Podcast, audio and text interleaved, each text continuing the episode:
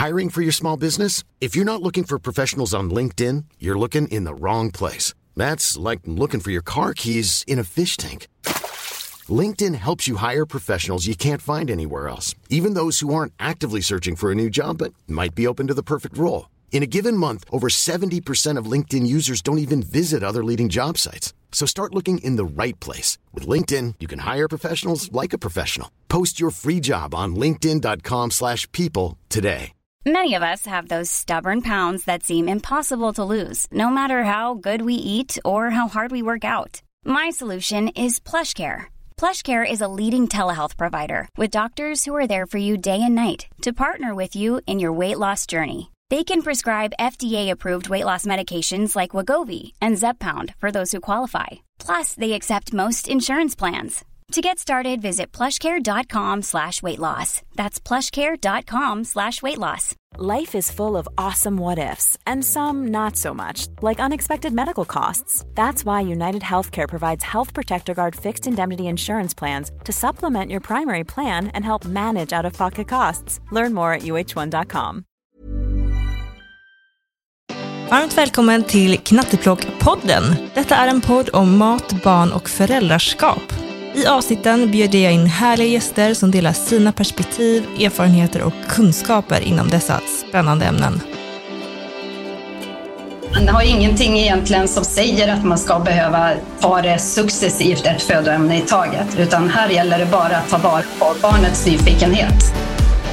I detta avsnitt gästas jag av två fantastiska kvinnor som är experter på allergier bland barn.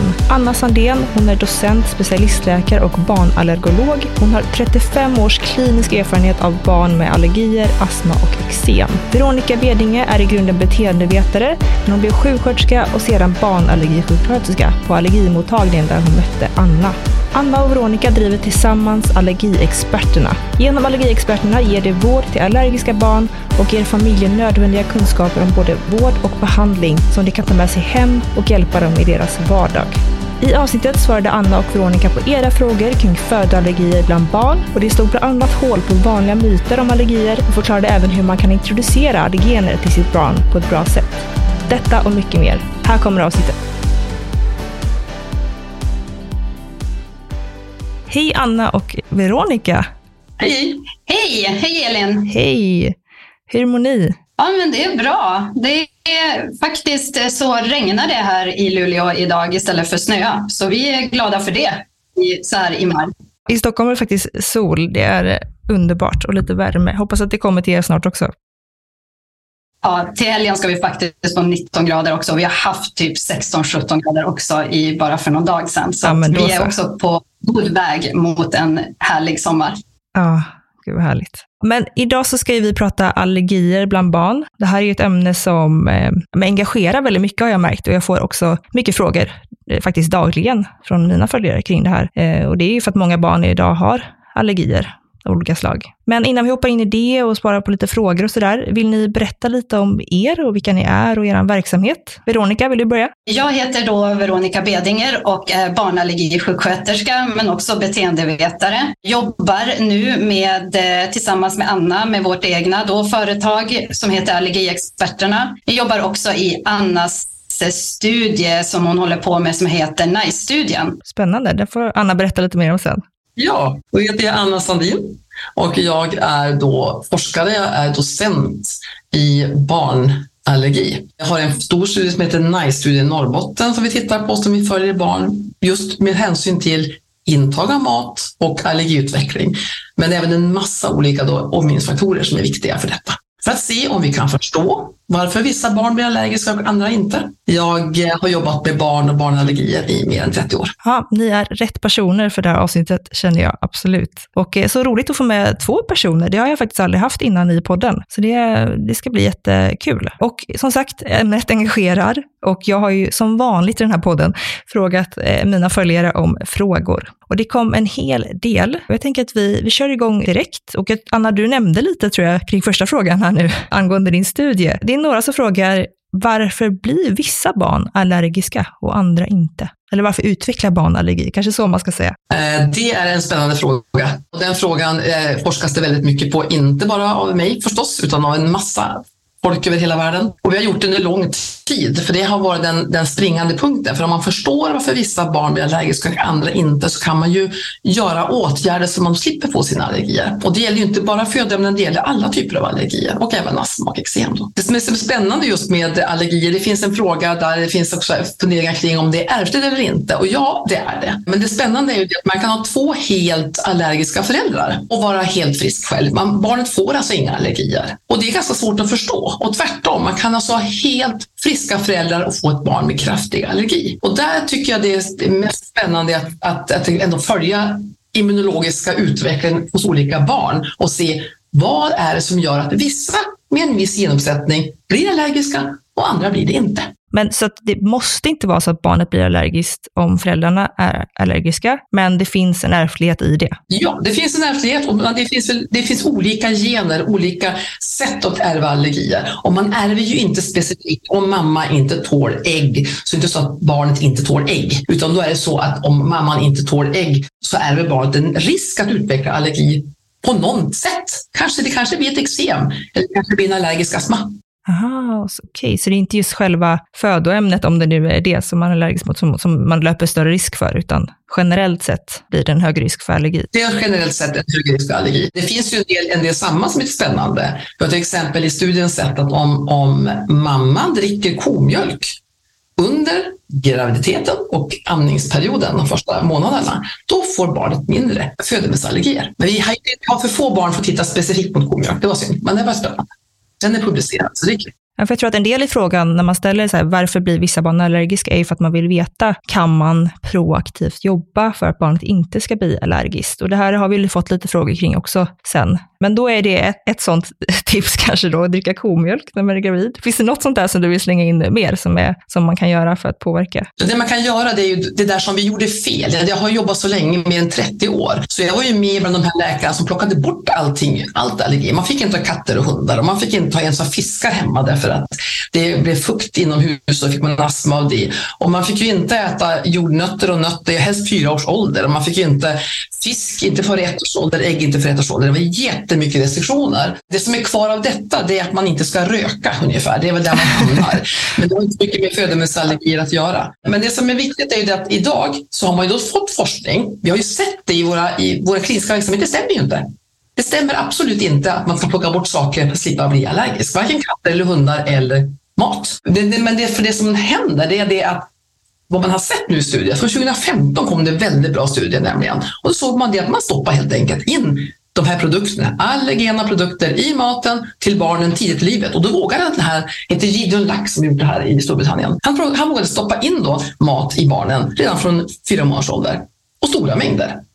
Bland annat jordnötter, vilket ju alla är så skrämda för. Så. Då får man äta det varje dag i ganska stora mängder och då blir man inte allergisk mot jordnötter. Funkar det inte likadant på alla produkterna? Det är ganska spännande också. Det är inte så att, att födoämnesallergi är lika för jordnötter och för morötter och för ägg till exempel. Det är lite skillnad på dem helt enkelt, även immunologiskt påverkan tydligen. Ja, men jag har också läst just den här studien kring jordnöt, så det är väldigt intressant. Och eh, apropå ärftlighet, om föräldrarna är jordnötsallergiker, hur, hur gör man det på bästa sätt? Att när man introducerar jordnöt, för då vill man ju ändå göra det tidigt för att minska risken. Men hur, eh, hur ska man tänka där? För då är det ändå någonstans en större risk och kanske också svårt för föräldrarna att hantera livsmedlet. Det finns ju flera faktorer som påverkar, tänker jag, när man ska börja introducera jordnöt. Ja, det är jättebra Elin att du lyfter det här och att vi tar upp det, för det, det är ju såklart har man dessutom då en uttalad, om vi nu tar den här jordnöten som är en klassiker, så, och är man själv då kanske allvarligt allergisk mot jordnöt, då är det ju svårt att kunna hantera en jordnöt och kunna introducera till sitt barn. Här är det ju jätteviktigt att man dels tar upp det med sin eh, BVC-sköterska, att det här finns och även om man nu har en stor rädsla för att barnet också ska ha utvecklat en sån här liknande allergi som man själv har, så att man kan få stöd och hjälp i det, att kunna hantera det, så att vi inte missar chansen hos det här barnet att introducera. Sen när det kommer till det mer praktiska. Hur ska det gå till att kunna hantera jordnöt så att barnet ändå får komma i kontakt och få smaka på till exempel jordnöten. Då. Där får man nog använda sina släktingar, tänker jag, lite grann. Eh, man kanske, har man stor rädsla så kan ju det, även om det inte finns eh, en stor Eh, om det, det, finns en misstanke om att barnet har en jordnötsallergi så kan det ändå på grund av rädsla hos föräldrarna vara så att man introducerar första gången i kontakt med sjukvården, till exempel hos eh, sin BVC-sköterska, för att få känna sig trygg att göra det här. Just det. Kan man göra det alltså? Ja, det finns ingenting som säger att vi inte kan. Sen är det ju såklart lokalt. Jag kan inte svara på hur BVC-sköterskan i Stockholm Nej. tänker.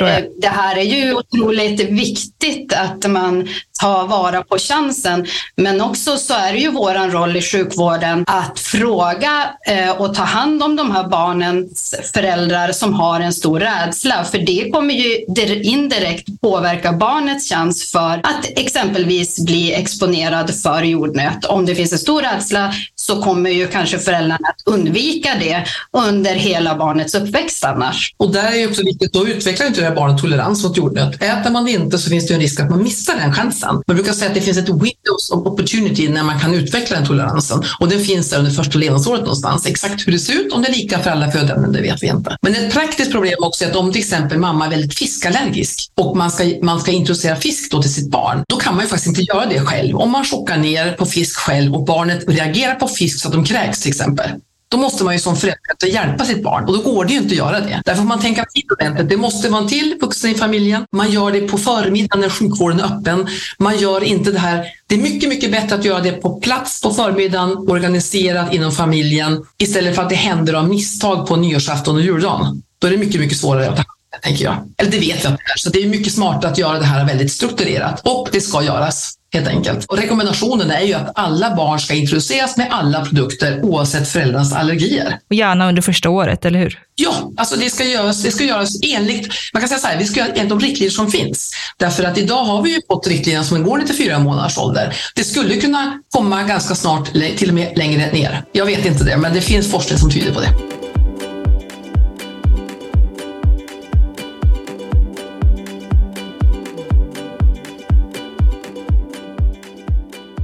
Då, nu är vi inne på det här lite grann, men, men om vi backar bandet lite då, lite mer generellt. Hur introducerar man bäst allergener till barn?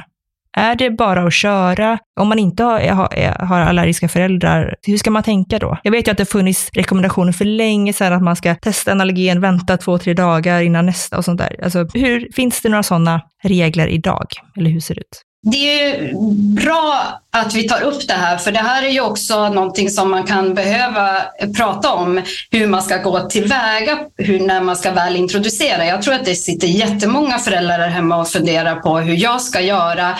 Är det okej okay att introducera flera födoämnen eller ska jag ta en, eh, ett födoämne i taget? Barnen som är fyra månader finns ju rekommendationen att man ska Eh, låta nyfikna barn få smaka.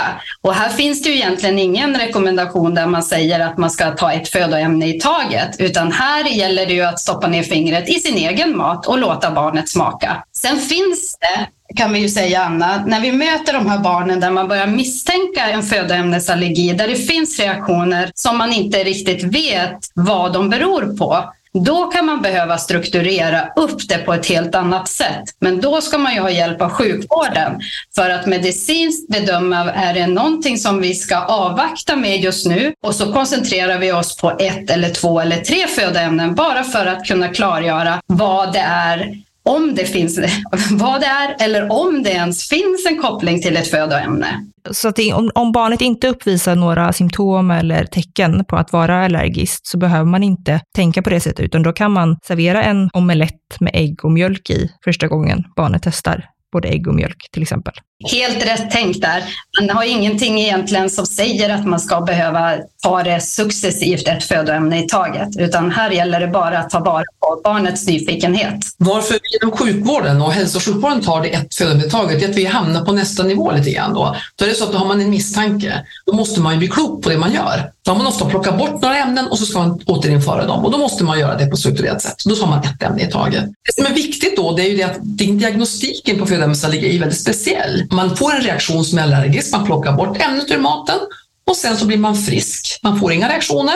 Då sätter man tillbaka det igen och då får man reaktion igen. Och egentligen krävs det två sådana här provokationer av det här födoämnet för att man verkligen ska få diagnosen. Det som ofta händer, det som kan hända och det som inte är helt optimalt är att man som förälder får informationen gå hem och plocka bort, plocka bort det här ämnet ur maten utan att få det här uppförande återbesöket. Och det här uppförande återbesöket är väldigt viktigt därför att det är vi som sätter diagnosen, det är inte föräldrarna som ska tro att det är på ett visst sätt. För då blir det ganska många saker. För det finns också, det är också så här, om man är förkyld, om man inte tål en katt och träffat en katt, om det har hänt annat i ens omgivning när man provar det här ämnet för första gången, då kanske det är katten. Ja, det är onödigt att plocka bort någonting i onödan, så att säga. Precis. Om inom hälso och sjukvården plockar bort någonting, så har jag också som läkare och sköterska jag ansvar för att plocka tillbaka det till i barnens kost. Att se att det faktiskt var en ordentlig allergi och ingenting av misstag eller toleransen har utvecklats. Vi ska friskförklara alla barn så snabbt som möjligt efter en diagnos av födoämnesallergi. Gör man även det med allergener som kan ge väldigt allvarliga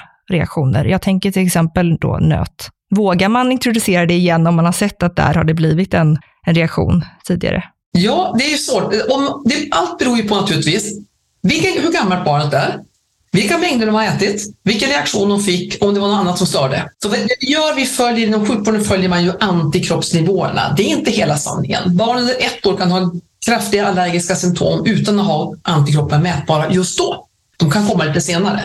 Så man kan inte bara lägga, man kan inte säga att okej, okay, du hade inga antikroppar, det var ingen reaktion. Utan man får titta på antikroppsvärdet, om de här allvarliga reaktionerna, har de sjunkande eller låga värden vågar man provocera. Men det gäller att man följer barnen då med varje år kolla upp om de har fått i sig det här, det här ämnet av misstag, kolla upp proverna om de är sjunkande nivåer, se om det är läge att provocera i så fall inom sjukvården. Då. Mm. Men man ska inte släppa dem. Och det är inte, om du får ett symptom på en, ett eh, födoämne av någon sort före ett års ålder så kan du inte släppa det barnet för resten av dess liv och tro att de är allergiska mot mjölk eller ägg eller fisk eller någonting annat. Man måste följa dem över tid. Såklart så är det ju så att har barnet reagerat med en allvarlig reaktion, vid till exempel att de har ätit eh, livsmedel som innehåller ägg och vi vet att det är ägget barnet reagerar på, så kommer det ju inte att vara så att man kommer att ifrågasätta det och måste provocera ytterligare en gång om man har en tydlig koppling till det. Utan då är det ju jätteviktigt, precis som Anna säger, att vi fortsätter följa barnet för att se om det finns en möjlig toleransutveckling och om vi då i senare skede i livet kan testa att provocera. Men såklart så ska ju allt det här ske utifrån en bedömning från eh, sin vårdgivare eller den medicinska läkare man har och att man gör det under kontrollerade former inom sjukvården. Det låter ju väldigt vettigt, så att man inte blir sitt barns egna läkare. Sen tänker jag också på det, en annan sak, ursäkta Elin att jag måste bara få tillägga det här. Det är också ibland så att man kanske som förälder tycker sig känna sig ifrågasatt där man inom sjukvården säger att vi ska testa igen och introducera ett födoämne. Men ta det inte som att man ifrågasätter utan ta det som att man verkligen vill ge ditt barn största möjlighet att kunna, om möjligheten finns, få börja introducera mycket små mängder eller lite mängder för att vi ska ta vara på en toleransutveckling för det här födoämnet. Ja, superbra poäng där. Alla vill ju barnets bästa, helt enkelt.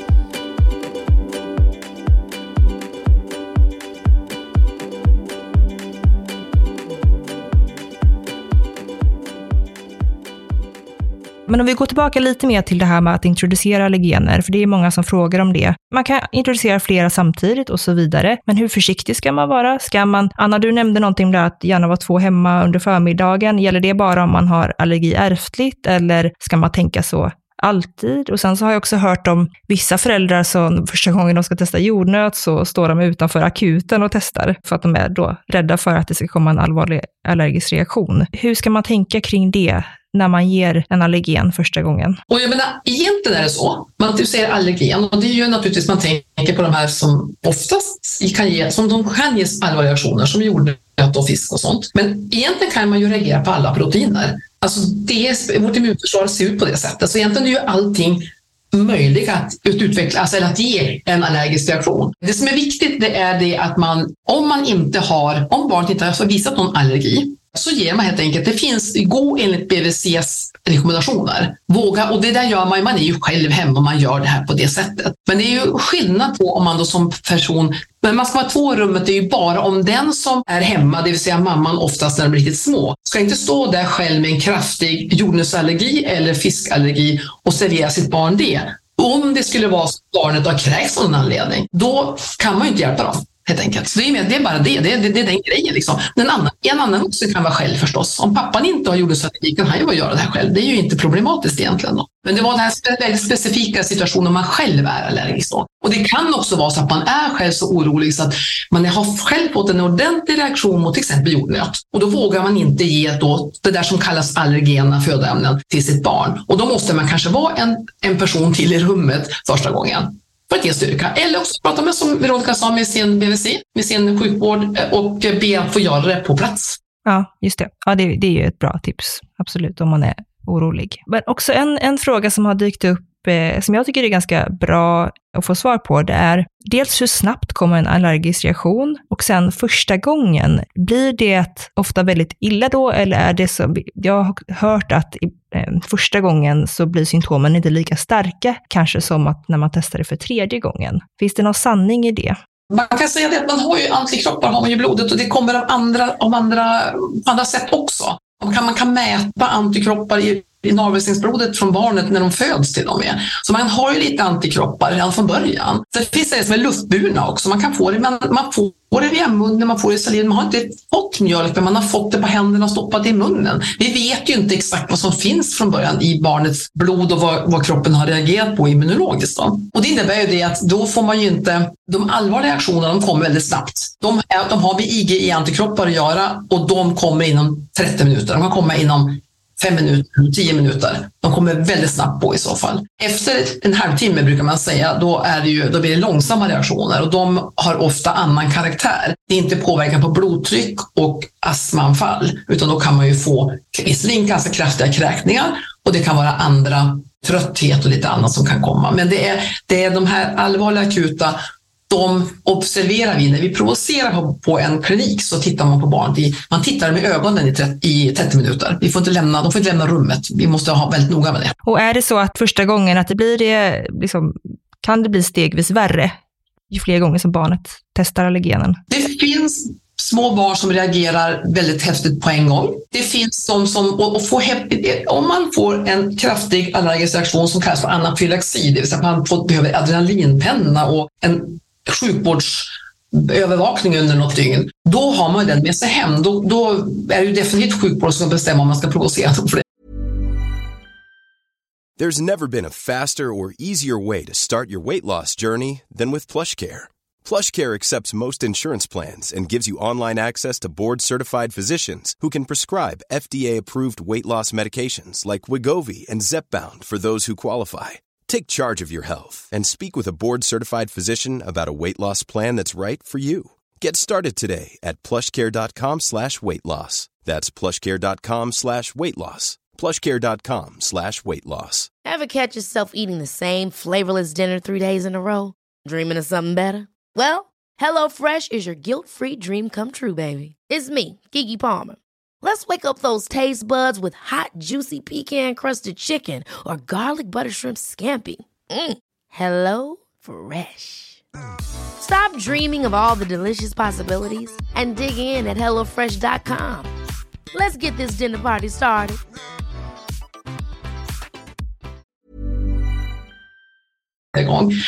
Har man fått en allergisk reaktion? Ja, Exakt om det blir väldigt häftigt nästa år, det kan vi inte riktigt säga. Men det är där vi följer då IG-antikroppsvärdet också. Har man tålt det och inte fått anafylaxi ska man ju inte ha en massa akutmediciner hemma. Då lever man precis som vanligt. Den gången man får den här anafylaxiska reaktionen så får man bestämma i det, i det läget, den kraftiga allergiska reaktionen, i det läget när man behöver mera läkemedel i hemmet. Då. Men man, det finns ingenting som säger, bland jag vet, geting är en grej som är intressant också, då, lite utanför det här systemet. Men där vet man att man, man kan få en sticka, man kan få en svullna på armen ena gången, man kan chocka ner ungen två, det är inte alls säkert att det blir lika hemskt gånger tre. Så det, det, vet man inte riktigt, det är lite, lite upp och ner det där. Och det har förmodligen att göra med mängd också. Då. Det, har, det har att göra med mängd mat, det har att göra med hur gammalt barnet är, vilka andra förutsättningar som finns i rummet just då. Det kan till och med vara kombination med andra födoämnen när man är vuxen i alla fall, vet jag. Sen vet vi ju en känd faktor, det är ju luftvägarna. Har man en till exempel det då som kallas för astma, där luftvägarna är eller luftrören ska jag säga, är inflammerade, då vet man också via forskning att man har sett att man kan ha en benägenhet att reagera mer kraftigt om man får i sig någonting man inte tål. Så här är det ju jätteviktigt att de här barnen med allergier ska definitivt se till att man har bra luftvägar och har man några funderingar kring sitt barns luftvägar, att man misstänker att de har en astma, så ska man absolut se till att sjukvården hjälper till att utreda den. Jag tror att många kanske känner att, eh, säg att man skulle testa, jag tror många är rädda för nötter. Det, det finns någonting kring nötter som jag tror att eh, det finns en stor rädsla kring, för många vet att det kan ge en väldigt kraftig allergisk reaktion. Eh, jag tror att många kanske känner så här, ja, men det, att det vore lite skönt om den första gången att det inte blir den här eh, superkraftiga reaktionen, utan man kan kolla på mer subtila sy eh, symptom. Att säga att det skulle bli en kräkning eller rodnad eller utslag och så kan man liksom söka hjälp och få hjälp och få reda på om det är jordnötsallergi innan man åker på den här äh, stora reaktionen. Förstår ni? Jag tror att många liksom, tycker att den tanken är lite tröstande. Finns det no någonting i det? Att det kan vara så, att det, att det blir mindre symptom. Det är väldigt olika nivåer och reaktionen beror på ålder på barnet, mängden man äter, vad man har ätit och genetiken, alltså ärftligheten och övriga faktorer i omgivningen. Och det blir ett väldigt komplicerat pussel att liksom reda ut. Men det enda viktiga är ju det att en reaktion på ett födoämne, uppsök sjukvården och, och red ut om det är det få en diagnos av hälso och sjukvården och se till att du följs upp på lång sikt. Och då, har du också, då är du inne i rullarna. Du har kanske tagit ett IgE-värde och du vet vad du har, att det inte var så högt då. Sen kan det ju komma reaktion senare i livet. Det kan vi inte säga säkert. Så kan jag säga. Men ett sätt att tänka när man då, om man har en stor rädsla så är det ju verkligen att tänka att man tar små mängder. Är barnet fyra månader då vet vi ju att vi bara i princip stoppar fingret i jordnötssmöret och låter barnet få smaka på fingret. Men man kan tänka liknande om barnet är äldre. Var då försiktig och ge en liten mängd, vänta en halvtimme, se om det går bra och så kan man öka upp det successivt. För då har man ju också kanske möjlighet att se att det blir röda prickar som kanske man ser att barnet börjar känna obehag i munnen Ja, då hinner man ju stoppa så att man inte ger en hel näve med jordnötskrokar utan att man successivt börjar introducera de födoämnen då framförallt som man kan känna en rädsla för. Mm. Ja, men det tycker jag är en jätteviktig poäng, att börja med små mängder. Det är faktiskt ett bra tips i introduktionen av allergener. Precis. Och jag tänker att här är det ju också, som vi har sagt, men tål att nämnas igen, är att ta stöd från hälso och sjukvården. Fråga, be dem om hjälp och stöd hur ni ska introducera. För det kan ju vara individuellt beroende på hur mamman och pappan känner inför ett födoämne. Om det som du säger, oftast handlar det om de här nötterna och jordnötterna. Och jag och Anna träffar ju otroligt många barn där de aldrig har ätit jordnöt eller nötter eller mandel. Så där får ju vi vara ett stöd och hjälpa till. Men för någon som kanske inte vet, då, vad, vad, vad kan det vara för symptom om man är allergisk mot ett födoämne? Vi har nämnt några här idag, kräkningar bland annat. Vad kan det mer vara? Det som är spännande med allergier överhuvudtaget är det att det, man kan ha symptom från hela kroppen. Och just födoämnen de kommer in i kroppen och du får en reaktion som finns där inne. Men det är fortfarande så att kräkningar låter ju rimligt. Kliar i munnen. Du kan också få klåda över hela kroppen. Eh, ögonsymptom, det rinner i ögonen, det snuvar i näsan. Trötthet. Och sen de här grava eh, allergiska reaktionerna då, som är med astma som Veronica beskrev, varför man får, man får astma och trånghet i luftrören. Och blodtrycksfall. Och det beror på att de här, det, det som händer i kroppen, det är ju generellt. Det smiter ut en massa produkter ur celler som går sönder som i sin tur påverkar både trångheten i luftrören men även då blir läckage i blodbanorna. Så att fukten eller vattnet i blodbanorna åker ut. Vätskan ska jag säga åker ut. Ja, det lät ju inte så härligt, men så är det ju med allergier. Det är inte så härligt. Men eh, det är ju de allvarliga reaktionerna. Så egentligen kan man säga att en allergisk reaktion kan vara allt ifrån topp till tå. För det är till exempel ett barn som sitter och kliar sig under fötterna. Det kan också vara ett tecken på ett, att ett barn har fått en reaktion på ett födoämne. Eller att man kliar på, i huvudet. Så att det är sådana symptom som man kanske inte sätter i samband med en födoämnesallergi utan man tänker mer att det kanske kommer bara från, från mage eller från munnen eller att det kommer runt munnen, alltså på huden. Men det finns också, varje gång man får ett barn och man frågar om symptom så kan det vara allt ifrån egentligen knoppen till ner till tårna. Så helt enkelt om man märker någonting avvikande som liksom kommer regelbundet, antar jag, om man får i sig det här så kanske man kan fundera på om det är allergi då, som skapar symptomen.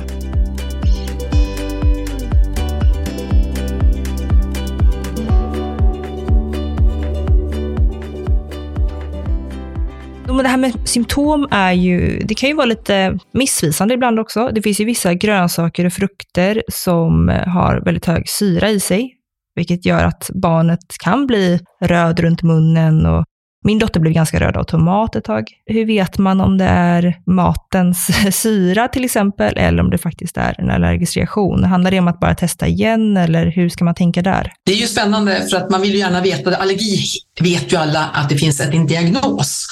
Sen är det ju så också, det behöver man, ibland behöver man inte ens veta vad det är. Är det allergi eller inte det? Utan man ska ju veta vad man ska göra.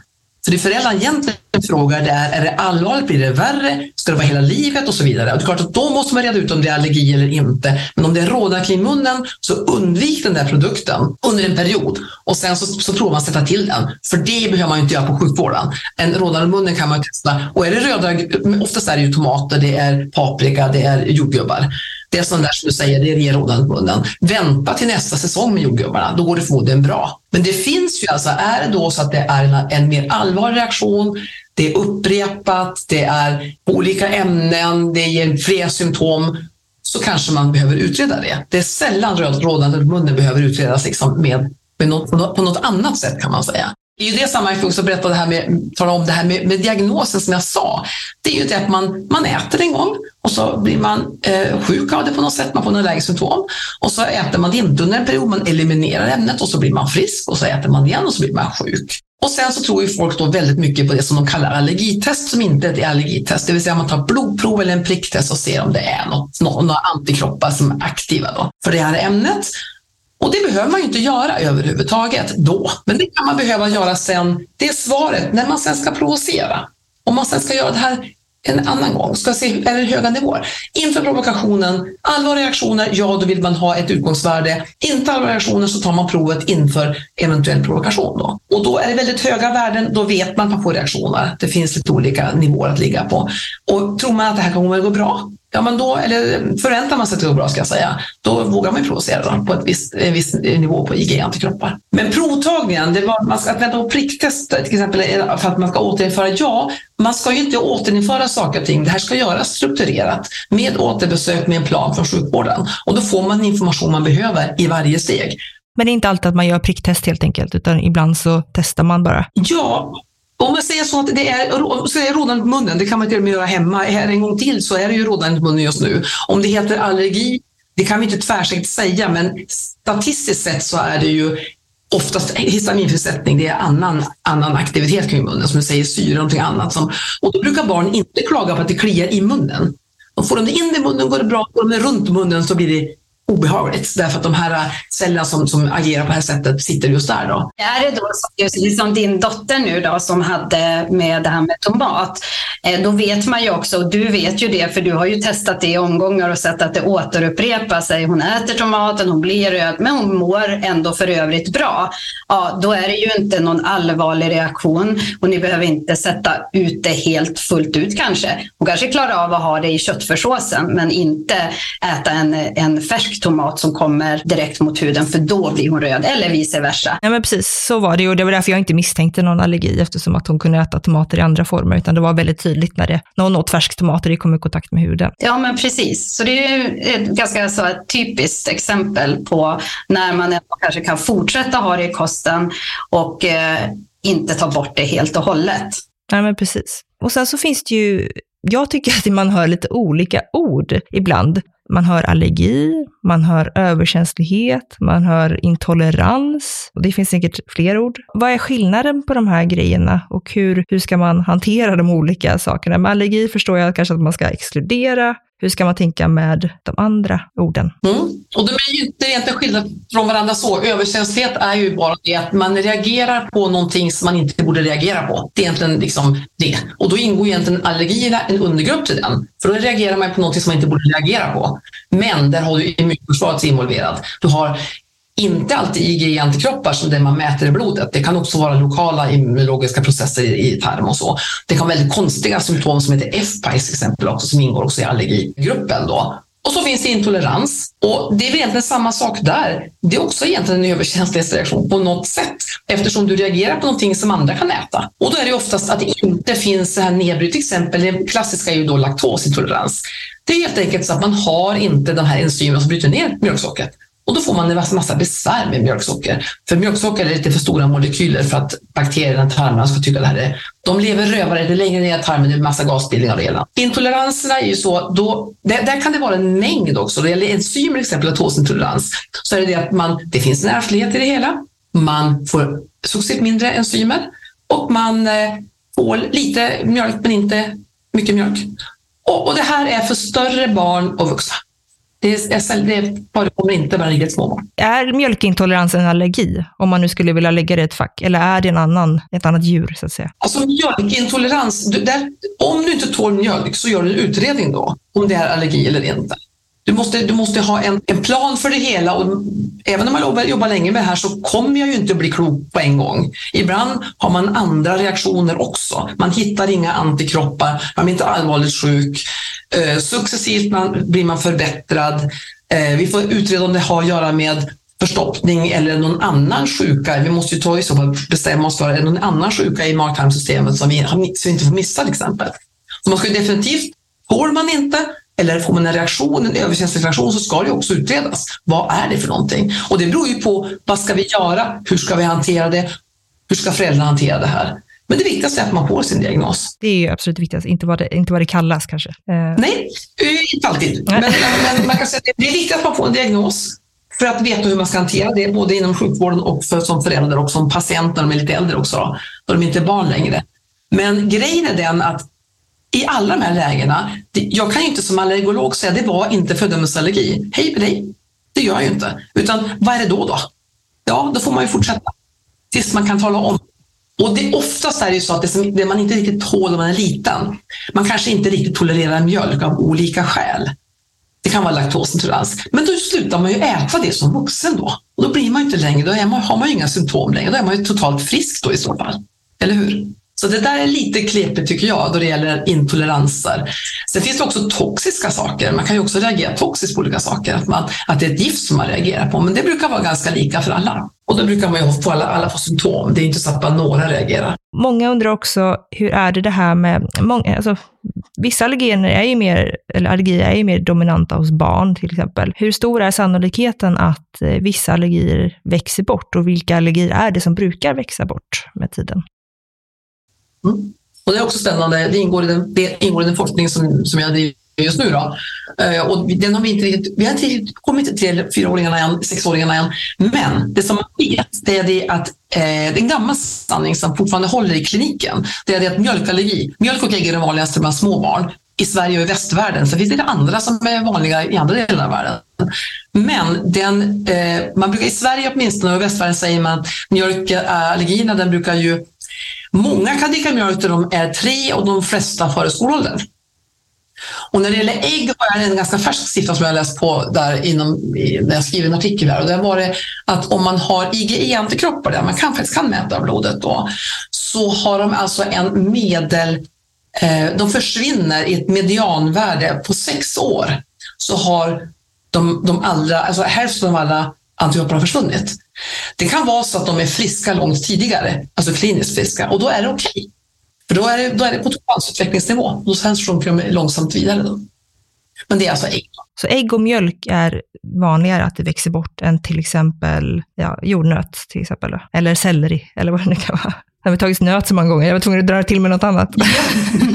Det krävs väldigt mycket eh, för att göra studier och svara på de frågorna. För då måste du veta vad man pappa allergiska och massa andra saker. Du måste ju få in dem i grupper och så. Så mjölk och ägg är ganska vanligt så det är lättare att göra studier och se att, att det inte var någon annan som påverkade just då, just nu. Och, i, och sen i olika delar av världen. Vi har ju olika gener alltså. Så det är, det är inte helt enkelt att svara på den frågan. Men man kan tryggt säga att, att mjölk och ägg, eh, bor man i Sverige och har, får de här allergierna så ska de föras över tid och man, det är få vuxna som är jätteallergiska mot mjölk och ägg. De finns, absolut. Hur, eh, finns det någon statistik kring hur vanligt det är med allergi bland barn? Om man frågar föräldrar, om man, om man, om man ställer frågan i ett frågeformulär, så hamnar man ju på eh, ja, 10-12 procent, kanske mer till och med. Och det, gäller, och det är olika för olika åldrar. Och det kanske då är eh, 1,2 procent om man verkligen gör det här ordentligt. Skolbarn finns det titta på både i Sverige och i, eh, i, i stor sån meta. Man har tagit samman en massa olika studier en, och, och samman, med det i en, en enda stor eh, procentsats. Liksom. Och då ser man det att om man ställer frågan om vad föräldrarna inte ger sina barn eller vad de inte är som skolbarn eller diagnos de har fått. Och sen så gör man det här ordentligt. Man tar in dem och provocerar helt enkelt på de här födoämnena på ett riktigt strikt sätt. Så går man ner till en av tio har en riktig diagnos födoämnesallergi. De andra har inte. Eh, de kan ju, det som jag säger, men det kan ju vara något annat. Man ska ändå säga att de har inte besvär, och det har de förmodligen av någon sort. Men då kanske man ska se till att man, de får rätt diagnos på detta och få veta vad som händer i framtiden också. Då. Ja, det är ändå ganska stor mängd tycker jag ändå. Mm. Livsmedelsverket sa på barn, det var 1-4 procent, tror jag, beroende på åldern på barnen, 1-3 procent ungefär har födoämnesallergier. Eh, men, men om du frågar så är det ju då de 10-12 procent som har plockat bort någonting ur kosten för sitt barn av olika skäl. Det är någon som frågar här eh, om en matallergi kan förvärra en annan. Jag vet inte om det är att man, man undrar om, blir man äggallergisk så kan man också bli mjölkallergisk, att det skapar andra allergier. Eller om det är så att frågan kanske menar att eh, är det vanligt att barn har många olika allergier om det väl är allergiskt till exempel? Det är ju så att man har, har man, äh, det finns ju så multiallergiska barn då, och så man, man har multipla man har flera allergier, olika födoämnen då de är ju ofta allergiska, de har ofta många fler saker. Oftast har de också en, ett, ett allergiskt eksem, de har kanske inte ett hårt katt, de har fått, börjat få pollenallergi och så har de då dessutom en hel, en hel uppsättning av allergier mot olika födoämnen som är som verkligen är diagnostiserade. Så det är klart, det, så, det finns absolut. Men frågan är då om, det, det går inte att säga att de fick en äggallergi och då blev det det här istället.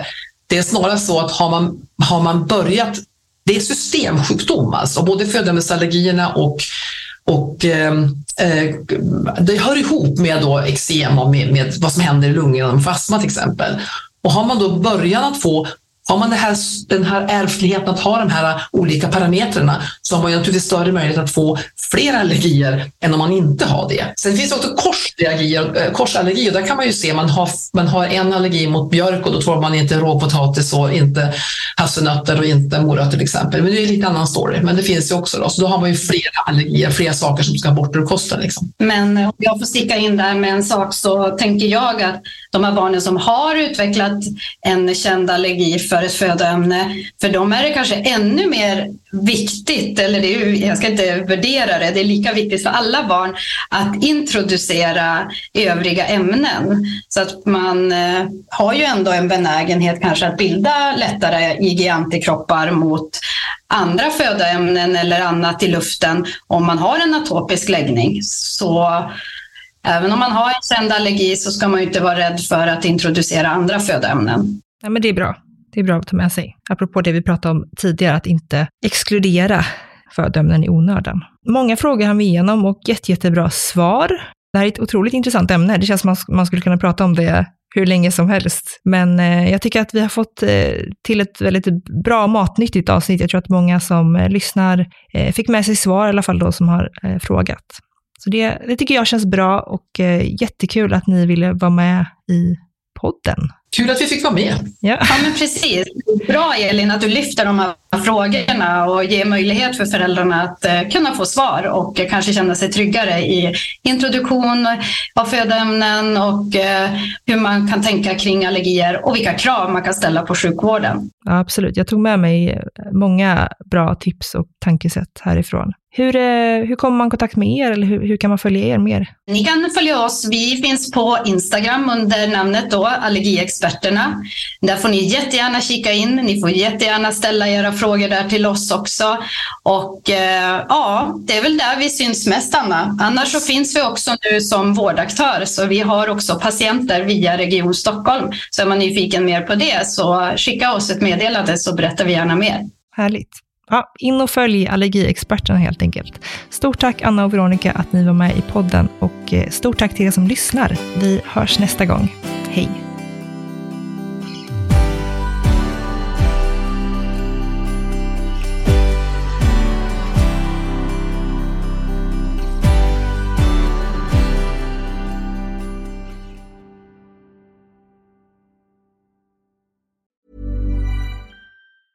Planning for your next trip? Elevate your travel style with Quince. Quince has all the jet setting essentials you'll want for your next getaway, like European linen, premium luggage options, buttery soft Italian leather bags, and so much more. And it's all priced at 50 to 80% less than similar brands. Plus, Quince only works with factories that use safe and ethical manufacturing practices. Pack your bags with high-quality essentials you'll be wearing for vacations to come with Quince. Go to quince.com slash trip for free shipping and 365-day returns. Hold up. What was that? Boring. No flavor. That was as bad as those leftovers you ate all week. Kiki Palmer here, and it's time to say hello to something fresh and guilt-free. Hello Fresh. Jazz up dinner with pecan-crusted chicken or garlic butter shrimp scampi. Now that's music to my mouth. Hello Fresh. Let's get this dinner party started. Discover all the delicious possibilities at hellofresh.com. Hi, this is Craig Robinson from Ways to Win, and support for this podcast comes from Invesco QQQ, the official ETF of the NCAA. The future isn't scary. Not realizing its potential, however, could be. Just like on the recruiting trail, I've seen potential come in many forms as a coach. Learn more at Invesco.com slash QQQ. Let's rethink possibility. Invesco Distributors, Inc.